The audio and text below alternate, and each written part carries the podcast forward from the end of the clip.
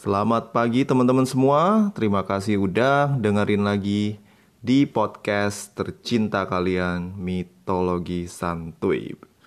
Bersama gua Guru Kelana kita akan menikmati cerita-cerita tentang para dewa dan juga kekonyolan dan imajinasi liar gue sendiri. Buat yang baru dengerin Mitologi Santuy ini isinya tentang gue ngomongin soal mitologi Yunani, Romawi atau mitologi lain kalau misalnya gue udah kehabisan bahan dicampur dengan kegilaan gue sendiri. Oke, gue baru balik dari uh, sepedaan.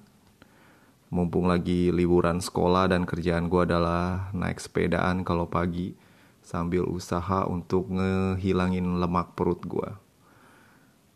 Jadi pagi ini gue pergi ke Pantai Indah Kapuk dan gue melihat suasana yang cukup berbeda karena gue ngeliat ya you know di kawasan Pantai Maju tuh yang biasa orang naik sepedaan atau lari pagi tempat di mana lu bisa ngeliat um, apa ya sungai yang bermuara ke laut itu.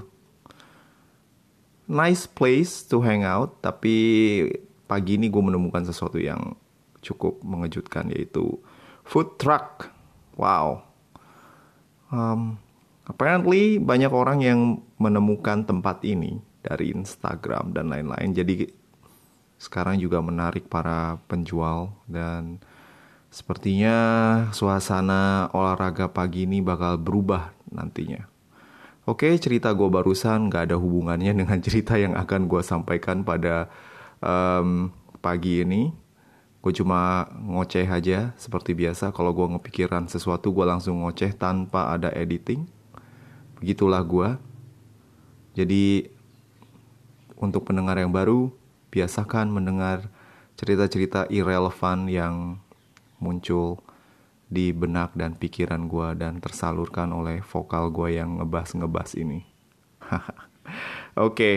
Hari ini kita bakal dengerin cerita tentang salah satu dari penghuni Gunung Olympus yang cukup terkenal dengan produknya yang memabukkan dan menjadi lagunya Bang Haji. Apa itu? Yaitu Dionysus alias Dewa Anggur dan Kesenangan.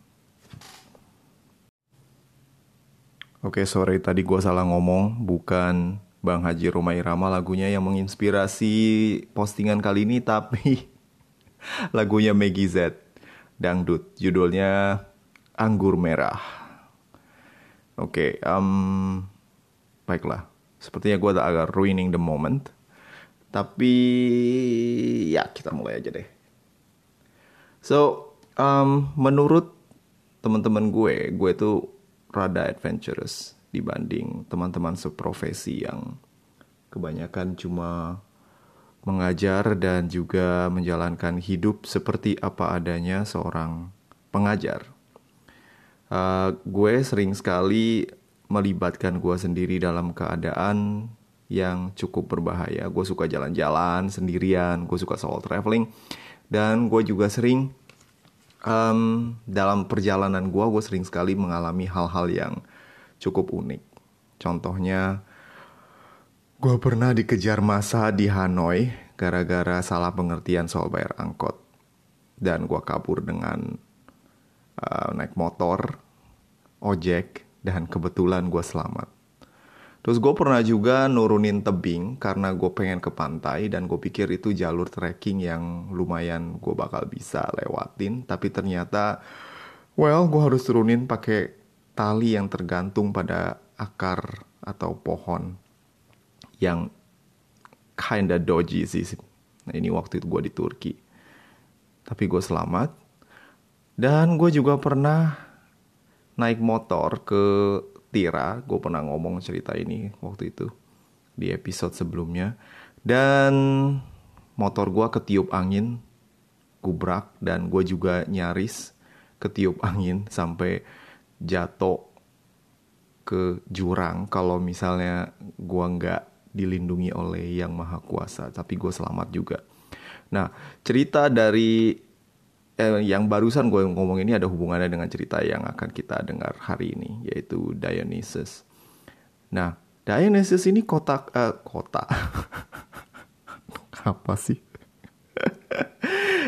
um, Dionysus ini tokoh yang cukup uh, menarik dalam hal kehidupannya itu beneran penuh dengan adventure dari hal yang berbahaya menyenangkan sampai hal yang kadang-kadang supernatural dan gak bisa dimengerti oleh akal sehat seperti banyak cerita dari mitologi Yunani lainnya tentu ini mitologi kalau bisa masuk akal mungkin ini namanya bukan mitologi lagi tapi mungkin sejarah nah um, kita akan mulai cerita ini dengan Zeus. Of course, pasti Zeus. Siapa lagi? Zeus pada suatu saat pernah jatuh cinta dengan gadis manusia yang bernama Semele. Semele, Simile, atau Semele, gue nggak tahu gimana ngomong tepatnya karena gue bukan orang Yunani dan sumber yang gue dapat itu menulis Semele. Jadi gue baca Semele aja. Lu mau ngomong Semele Kete juga boleh aja, terserah karena orangnya juga nggak bakal tahu lu ngomong semele. Anyway, Semele ini gadis cantik yang selalu uh, penasaran dengan apa yang ada di hadapannya. Dan kebetulan Zeus menyamar menjadi manusia biasa dan cukup menarik hati Semele dan akhirnya mereka berdua uh, menjalin cinta dan asmara di belakang istri resmi Zeus yang cemburuan yaitu Hera.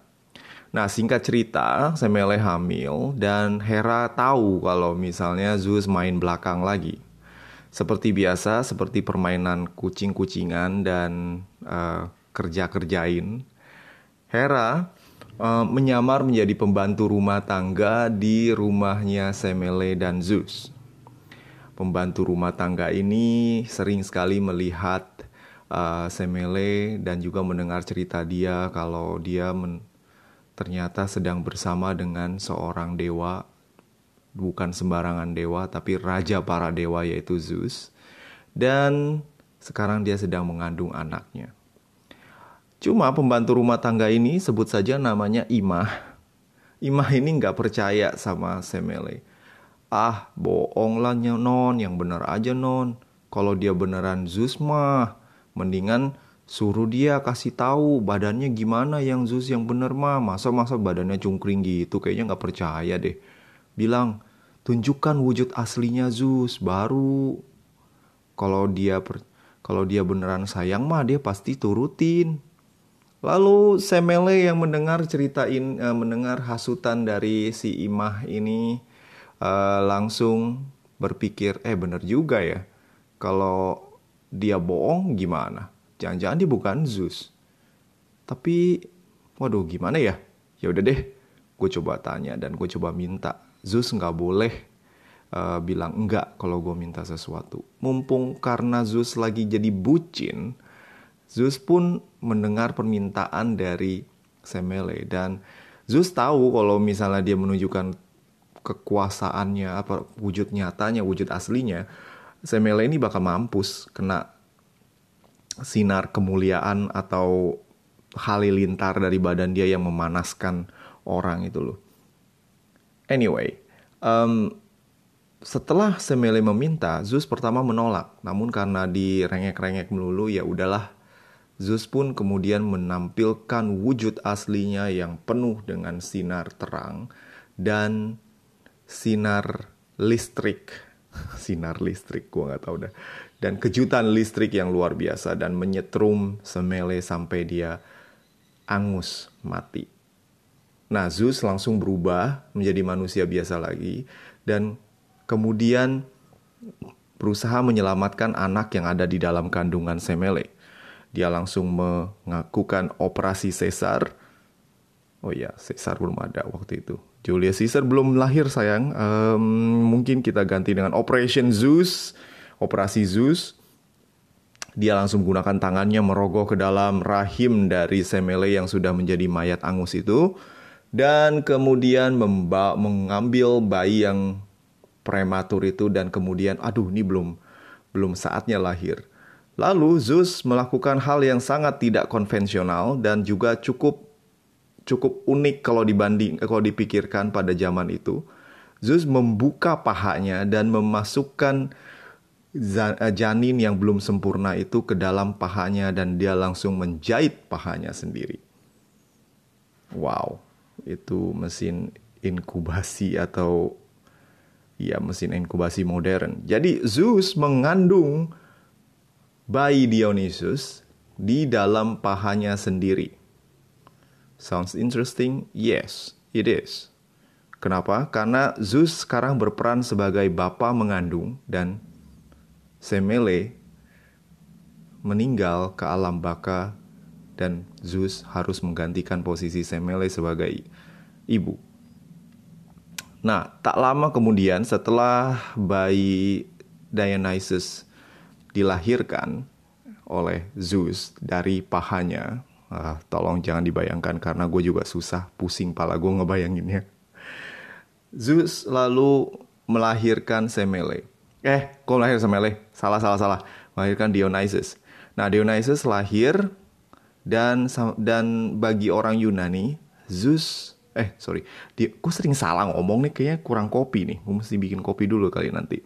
Anyway, Dionysus disebut sebagai dilahirkan dua kali, yaitu dari rahim ibunya dan juga dari paha papanya.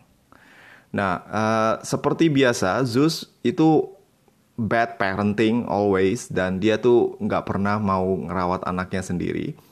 Dan karena sosok ibunya tidak ada, yang dilakukan Zeus selanjutnya adalah menitipkan anaknya kepada seorang dewa yang setengah um, setengah keledai dan setengah manusia, namanya Silenus. Dan perhaps this is the worst or maybe the best decision given by the circumstances. Silenus ini adalah dewa satir alias dewa yang mengutamakan kenikmatan hidup dan juga doyan banget minum anggur. Kalau lu Google wujudnya itu setengah kambing dan setengah manusia dan kerjaannya itu cuma minum.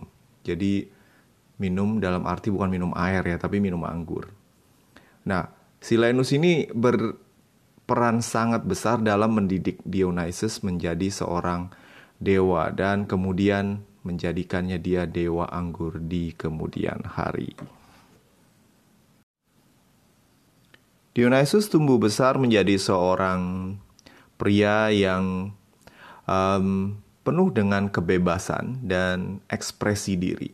Jadi um, karena dididik oleh seorang yang juga berpenderian seperti itu, yaitu bebas, lepas, macam lagunya Iwake. Ya, gue tahu banyak dari kalian yang tidak mengerti referensi gue. Maklum, gue cuma om-om umur late 30s yang masih terjebak dalam midlife crisis. What am I saying?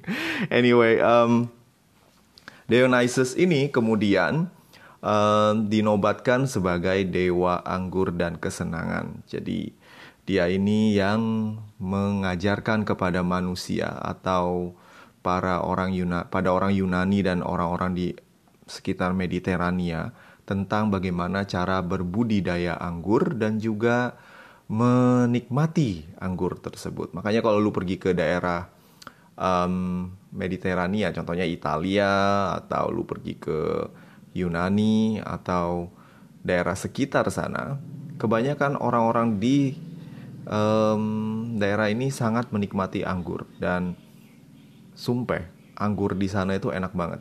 Walaupun um, di beberapa tempat di dunia juga ada uh, budidaya anggur, cuma Dionysus ini dikenal sebagai pencetusnya. Uh, speaking about origin of wine, um, Georgia juga uh, menobatkan diri sebagai negara yang pertama kali menemukan anggur. Uh, kalau mereka mereka punya evidence karena mereka mempunyai literatur dan juga um, peninggalan uh, budidaya anggur yang sampai sekarang masih dilestarikan. Anggur Georgia enak loh, serius, murah lagi.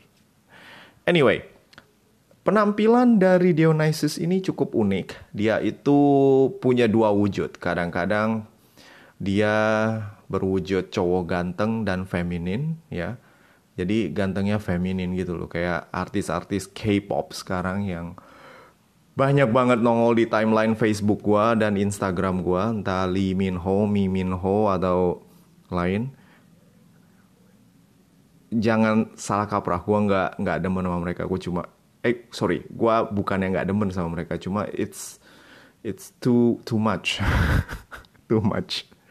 Anyway um, uh, kadang dia juga berbentuk seperti om-om buncit ala gelodok yang biasa lu kalau lihat di film-film Stephen Chow atau mungkin kalau lu pergi ke daerah yang banyak kokoh-kokohnya ada om-om tua yang suka pakai singlet dan singletnya dilipet sampai nongolin perut buncitnya. Ya mungkin kayak gitu deh. Nah itu penampilan dari lain dari Dionysius. Mungkin itu untuk menunjukkan kalau lu makan lu terlalu banyak minum wine atau minuman alkohol lu bakal buncit dan jadi om-om. Makanya olahraga ya. 15.000 langkah sehari atau naik sepeda minimal 40 kali. Atau kalau lu kayak gua dua-duanya. 40 kali 40 kilo. Anyway, balik lagi. Um, selain berpenampilan seperti om-om buncit atau cowok ganteng dengan nuansa feminin macam K-pop idols, Dionysus juga mem suka menggunakan atau memakai pakaian dari kulit kijang. Lalu dia suka pakai mahkota daun-daunan yang dari daun ivy dan dia juga kadang memakai senjatanya yaitu tongkat Tirsus. Tongkat yang kepalanya itu ada buah pinusnya dan juga berkhasiat menumbuhkan tanaman dan lain-lain. Anyway, um, setiap kali Dionysus pergi ke mana-mana, dia ini sering sekali ditemani oleh teman-temannya yang rada liar, yaitu para satir, yang setengah uh, kuda, eh sorry, setengah keledai dan setengah manusia, dan Sileni yang setengah kuda, setengah manusia. Dan kedua makhluk ini biasanya memuaskan dirinya dengan kemabukan dan juga gairah seksual. Yes, um, satir dan sileni ini simbol dalam mitologi Yunani sebagai su suatu makhluk atau mungkin uh, suatu paham tentang kebebasan seksual. Ya, begitu deh. Anyway, selain um, satir dan juga sileni, rombongan grupis dari, nah gue pakai kata grupis ini soalnya begini.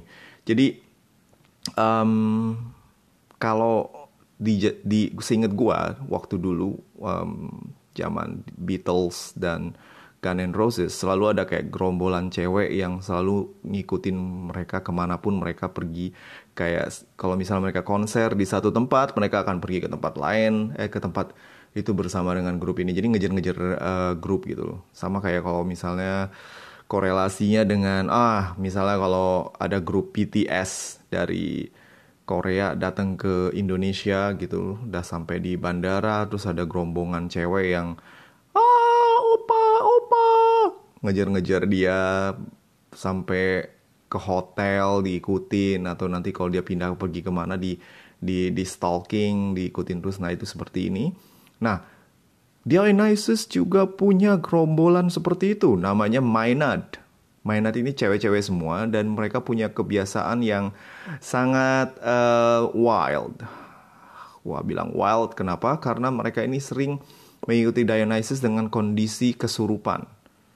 Kesurupan, mabok, dan kadang-kadang kesukaannya itu adalah kalau lagi benar-benar high, mereka suka mengoyak-ngoyak binatang dan makan mentah-mentah. Karena menurut mereka, uh, anggur itu bisa menimbulkan suasana ekstatik dan Dionysus ini memang mengutamakan hal seperti itu freedom and have fun hedon banget pokoknya jadi banyak yang demen ikutin dia. Dan setiap kali Dionysus itu pergi jalan-jalan, dia itu selalu uh, bawa suasana kayak karnaval. Jadi kayak misalnya lagi dia bawa lagi jalan gitu, terus nanti ada binatang lewat, terus uh, ada satir, mabok-mabokan, dan juga ada grupis cewek-cewek gitu di belakang. Dan setiap kali dia lewat, selalu menimbulkan uh, suatu pemandangan yang cukup cukup menghibur kayak rombongan topeng monyet lewat lah gitu loh. Nah, dalam mitologi Yunani dikisahkan banyak sekali petualangan dari um, Dionysus. Dionysus ini suka berkeliaran dia, sendiri ataupun dengan grup. Suatu saat uh, ketika grupnya itu melewati daerah Trakia, atau Thrace kalau bahasa Inggrisnya um, lebih tepatnya kalau sekarang kita sebut daerah ini adalah Bulgaria dan um, Romania itu namanya daerah Trakia sekarang enggak enggak sekarang namanya Bulgaria dulu namanya Trakia anyway ada seorang raja Lycurgus yang tidak menyukai rombongan um, cuma rombongan grupis dari Dionysus. Jadi ketika mereka lewat um, dilarang dan dihina-hina, mungkin ditimpuki batu kali berisik. Kita nggak butuh rombongan topeng monyet gitu loh, mungkin kayak gitu kali. Lalu Dionysus ini kecewa karena uh, dia tidak diizinkan lewat dan juga dihina macam seperti itu dan akhirnya Dionysus turun tangan sendiri. Mungkin dia mengambil wujud seorang om-om dan dia membuat Lycurgus, raja dari Trakia itu buta dan setelah itu ya dia lewat aja karena who cares? I'm the god here and I will walk like a boss. Oke. Okay. Nah,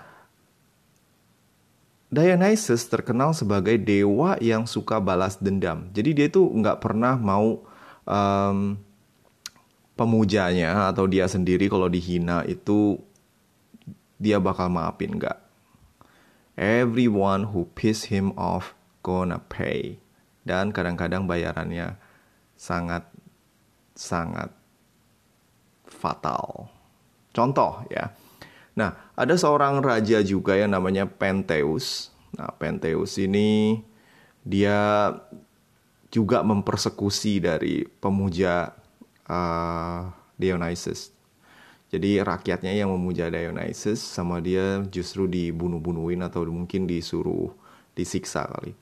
Lalu yang dilakukan oleh um, Dionysus itu simple. Dia cuma bikin um, ibu dan adik-adiknya dari Pentheus itu jadi setengah jadi gila, beneran gila dan melihat Pentheus itu seperti binatang seperti kelinci dan langsung ditangkap, diobrak-abrik, diacak-acak dan dimakan oleh ibu dan adik-adiknya sendiri. Nah ini salah satu uh, efek yang biasa ditimbulkan oleh Dionysus ketika dia mau menyerang musuhnya. Dia tuh bikin mereka jadi gila. Jadi gila. Gila. Gila. Gue yang gila sekarang. Nah, walaupun kedengarannya sangat liar dan bebas, sebenarnya um, Dionysus ini tipe orang yang sangat sangat um, apa ya? Dia tuh penasaran sama kemampuan diri dia sendiri sebenarnya. Jadi pada waktu suatu hari dia tuh melepaskan diri dari rombongannya dan dia memutuskan untuk main-main di pantai gitu. Dan ketika dia main-main di pantai, ada kapal bajak laut lewat, lihat, waduh, ini ada ada anak ini nih kayaknya anak orang kaya nih. Boleh kita kita culik aja nih culik-culik nih lumayan nih ya bisa nebus nih. Tebusannya kita bisa buat beli kapal lebih gede kita beli kapal pesiar aja lah daripada pakai kapal reot kayak gini kan. Lalu Dionysus ini diculik oleh para bajak laut dan diikat di tiang perahu. Dionysus yang ditangkap begitu aja dia nggak ngelawan dia malah ketawa-ketawa dan chill aja ketika dia diikat nah ketika sampai di tengah laut Dionysus kemudian ditanyain, lu anak siapa? Rumah lu di mana? Lu kira-kira banyak duit gak?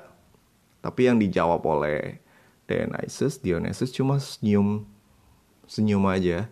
Dan kemudian tiang yang yang di mana dia diikat itu kemudian berubah menjadi pohon anggur dan kemudian dia melepaskan diri dari ikatannya justru ikatannya itu berubah menjadi ranting tanaman dan dia bisa bisa lepas dengan bebas.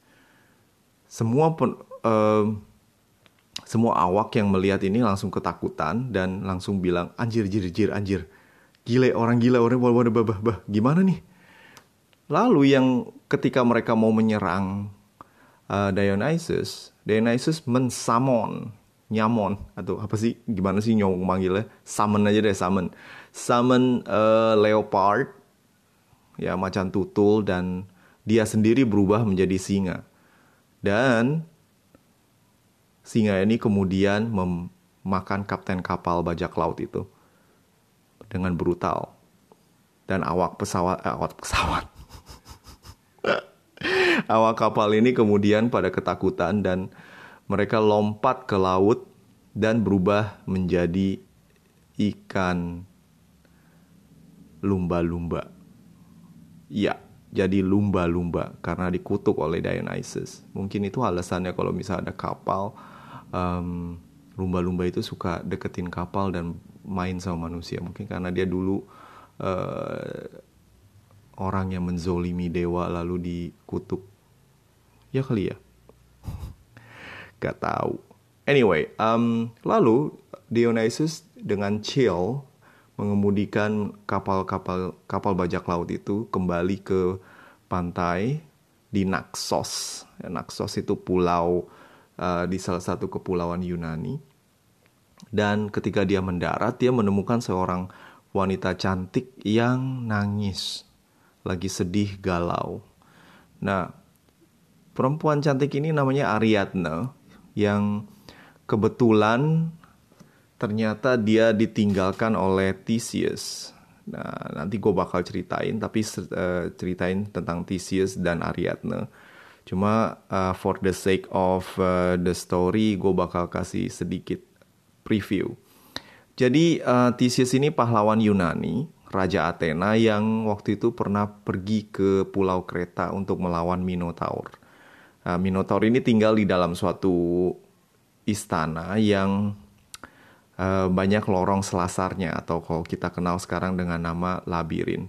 Nah, ketika dia masuk ke labirin ini, uh, eh, setiap setiap orang yang masuk ke labirin ini pasti mati. Kenapa? Karena di situ ada monster yang namanya Minotaur, Minotaur yang separuh manusia dan separuh banteng atau ya banteng lah. Ya kali, banteng ya. Anyway, lu Google aja deh, gue susah jelasinnya. lazy.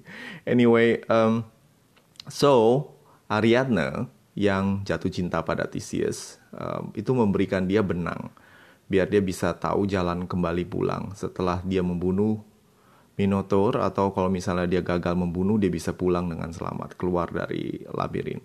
Singkat cerita, Theseus berhasil membunuh uh, Minotaur dan kemudian keluar dari labirin dengan selamat. Cuma Uh, dia berjanji untuk membawa Ariadne dan berjanji menikahkan dia. Contoh bakal bilang mau kawinin dia dan hidup se bersama hidup dan mati bahagia selamanya lalala tinggal di castle whatever. And then what happened is Theseus mendua hati. Jadi dia itu me, um, membawa Ariadne ke Pulau Naxos dalam perjalanan pulang ke Athena dan meletakkan uh, dan you know jalan-jalan sebentar dan ketika Ariadne ngantuk ketiduran dia langsung ditinggal pergi begitu saja. Theseus pergi meninggalkan Ariadne sendirian di pantai. Anyway um, Dionysus itu me kasihan dia sama Ariadne. Lalu dia uh, berusaha menghibur Ariadne dan kemudian malah jadi objek cintanya. Good guy Dionysus. Dia menghibur Ariadne dan mereka berdua kemudian menjadi pasangan. Mantap kan? Happily ever after.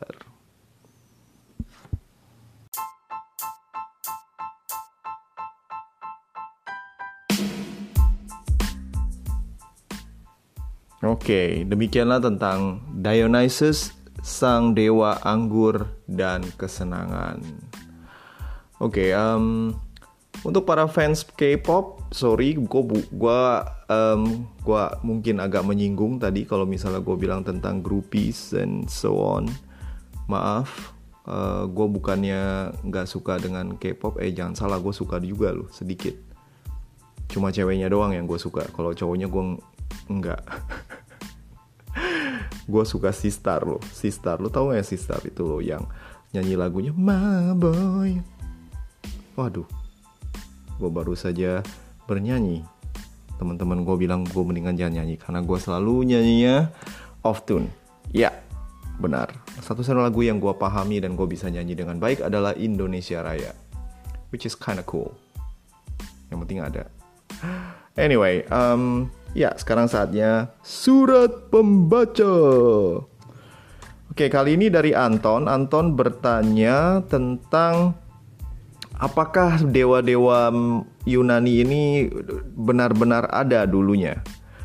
Waduh, susah sekali kalau gue menjawab seperti ini karena ini bukan di gua gua nggak tahu gua gua nggak bisa ngelihat sesuatu yang metafisik but um, jadi gini gue ceritain secara filosofi aja uh, bangsa Yunani itu percaya kalau setiap tenaga di dunia itu entah apa pun itu mau dari alam, laut atau mungkin simple kayak uh, makanan dan minuman mereka itu semua memang uh, dipengaruhi oleh suatu kekuatan yang supernatural.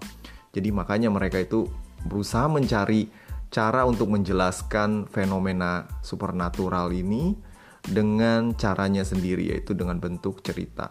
Nah contoh kalau misalnya kayak um, um, kayaknya minggu-minggu lalu gue pernah cerita soal uh, Milky Way galaksi Bima Sakti. Nah alasan kenapa mereka dibila, di, menyebutnya Milky Way ya mereka membuat cerita tentang bagaimana Hercules yang menyusu kepada Hera dan karena sedotannya terlalu kencang lalu Hera mendorong Hercules dan air susunya itu muncrat ke langit dan jadi Milky Way yang memang kalau lu lihat di uh, secara kasat mata um, itu memang kelihatan kayak ceceran susu. Nah um, fenomena lain juga banyak sekali yang diceritakan misalnya um, tentang perubahan musim.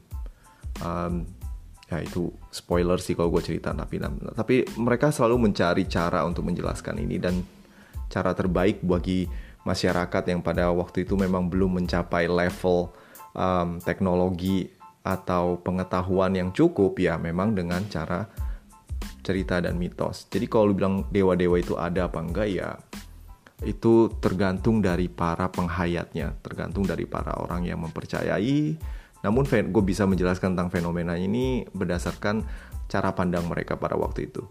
Gitu deh. Oke, uh, semoga bisa menjawab pertanyaannya Anton.